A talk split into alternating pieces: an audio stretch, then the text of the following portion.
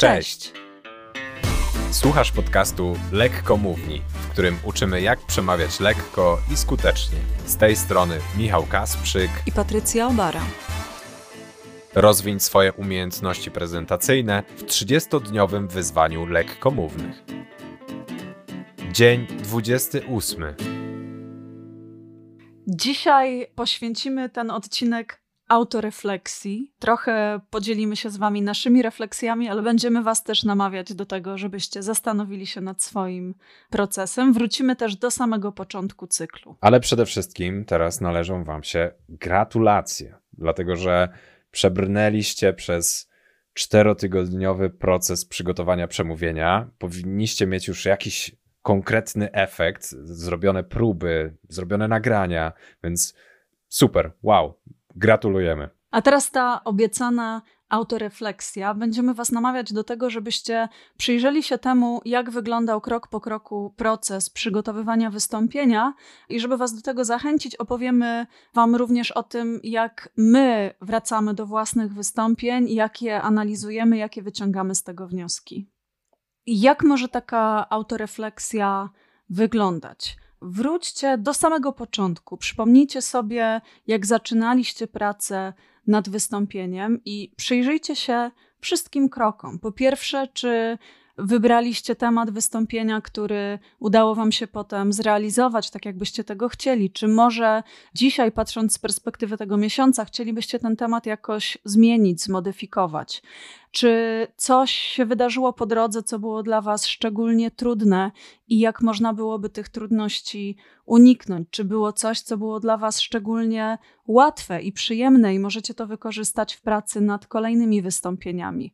Macie też za sobą próby i nagrania wideo. Być może po obejrzeniu tych nagrań macie jakieś wnioski, zaobserwowaliście jakieś obszary, nad którymi chcielibyście dalej, głębiej popracować. Być może dostaliście dostaliście po próbach feedback od swoich znajomych, z którego wynika dla Was coś ciekawego. Może są to również jakieś obszary rozwojowe, a może wręcz przeciwnie, coś, co wydawało Wam się, że nie wychodzi, że nie działa, że jest błędnie zrobione.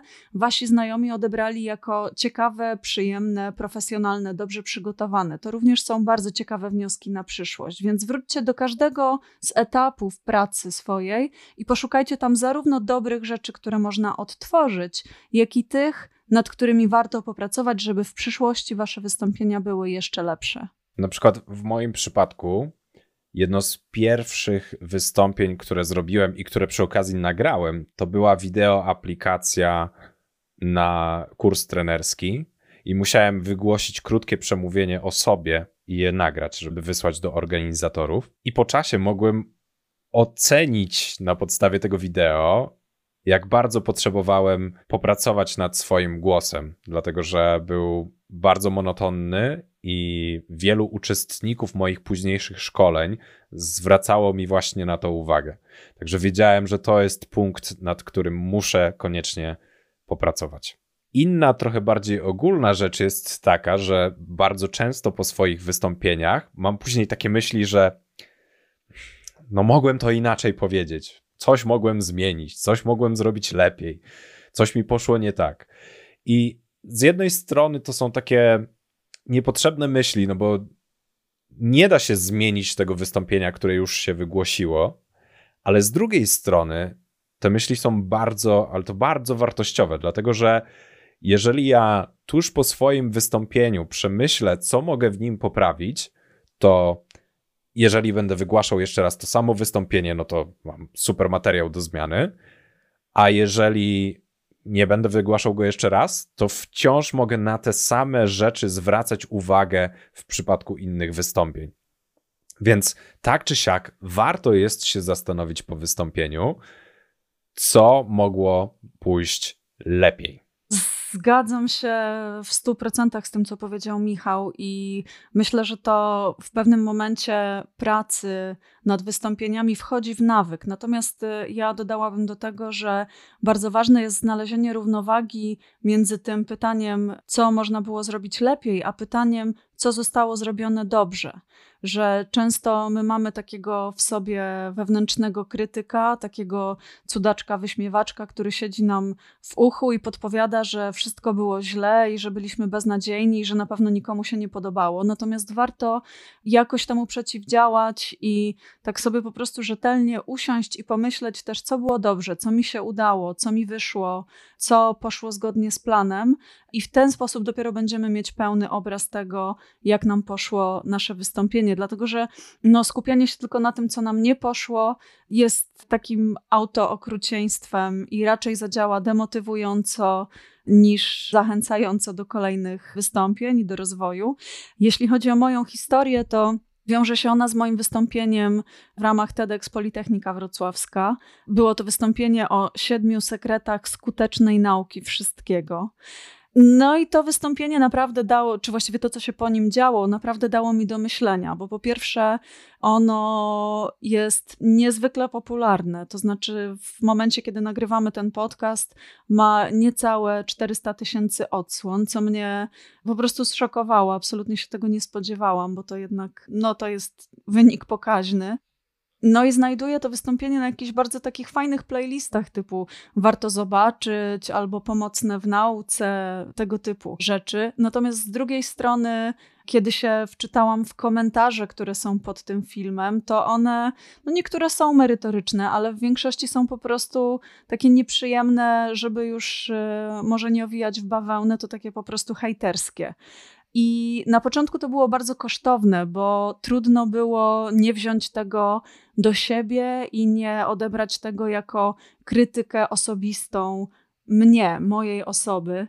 A ponieważ w ogóle spotkałam się z takim hejtem po raz pierwszy w życiu, no to wymagało ode mnie dużej pracy, żeby sobie to przerobić. Natomiast potem musiałam sobie zacząć zadawać pytania, z czego to wynika i właśnie z jednej strony, co mogłam zrobić lepiej w tym wystąpieniu i które z tych komentarzy rzeczywiście, czy, w ogóle któreś chciałabym uwzględnić i w przyszłości coś zmienić, jeżeli jeszcze będę przemawiać na podobne tematy, a które z tych komentarzy trzeba puścić mimo uszu i po prostu pogodzić się z tym, że choćbyśmy byli, nie wiem, Steve'em Jobsem i robili najlepsze wystąpienia świata, to zawsze znajdzie się ktoś, komu one się nie podobają, bo, bo tak, bo akurat lubi inny rodzaj mówców, bo akurat interesuje go inny temat, albo po prostu akurat ma zły dzień i wszystko go wkurza, więc y, fajnie mieć w sobie to wewnętrzne nastawienie, że my robimy to najlepiej jak możemy, ale publiczność zdecyduje sama i jednym to się będzie podobać i to jest ok, a innym nie będzie i to też jest absolutnie ok i absolutnie nie wpływa to na naszą wartość jako prelegentów.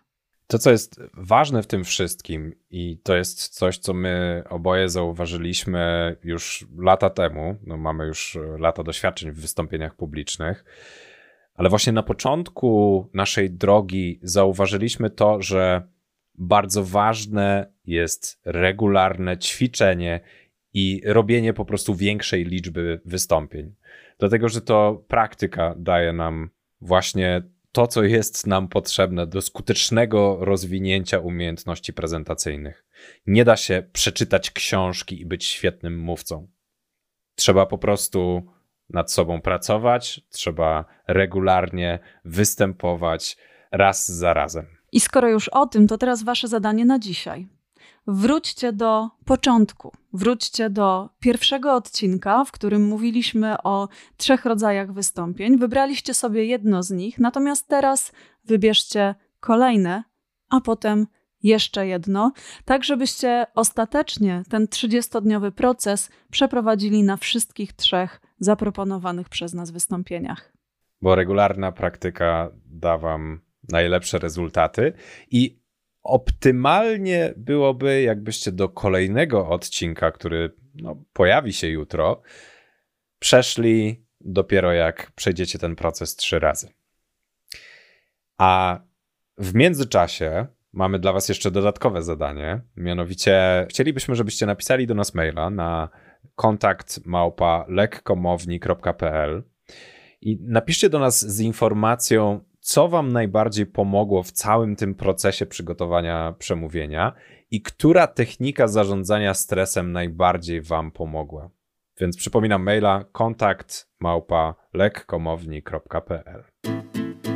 A jeżeli jeszcze nie zasubskrybowaliście naszego podcastu, to możecie to zrobić w Spotify, Apple Podcasts lub gdziekolwiek, gdzie teraz go słuchacie.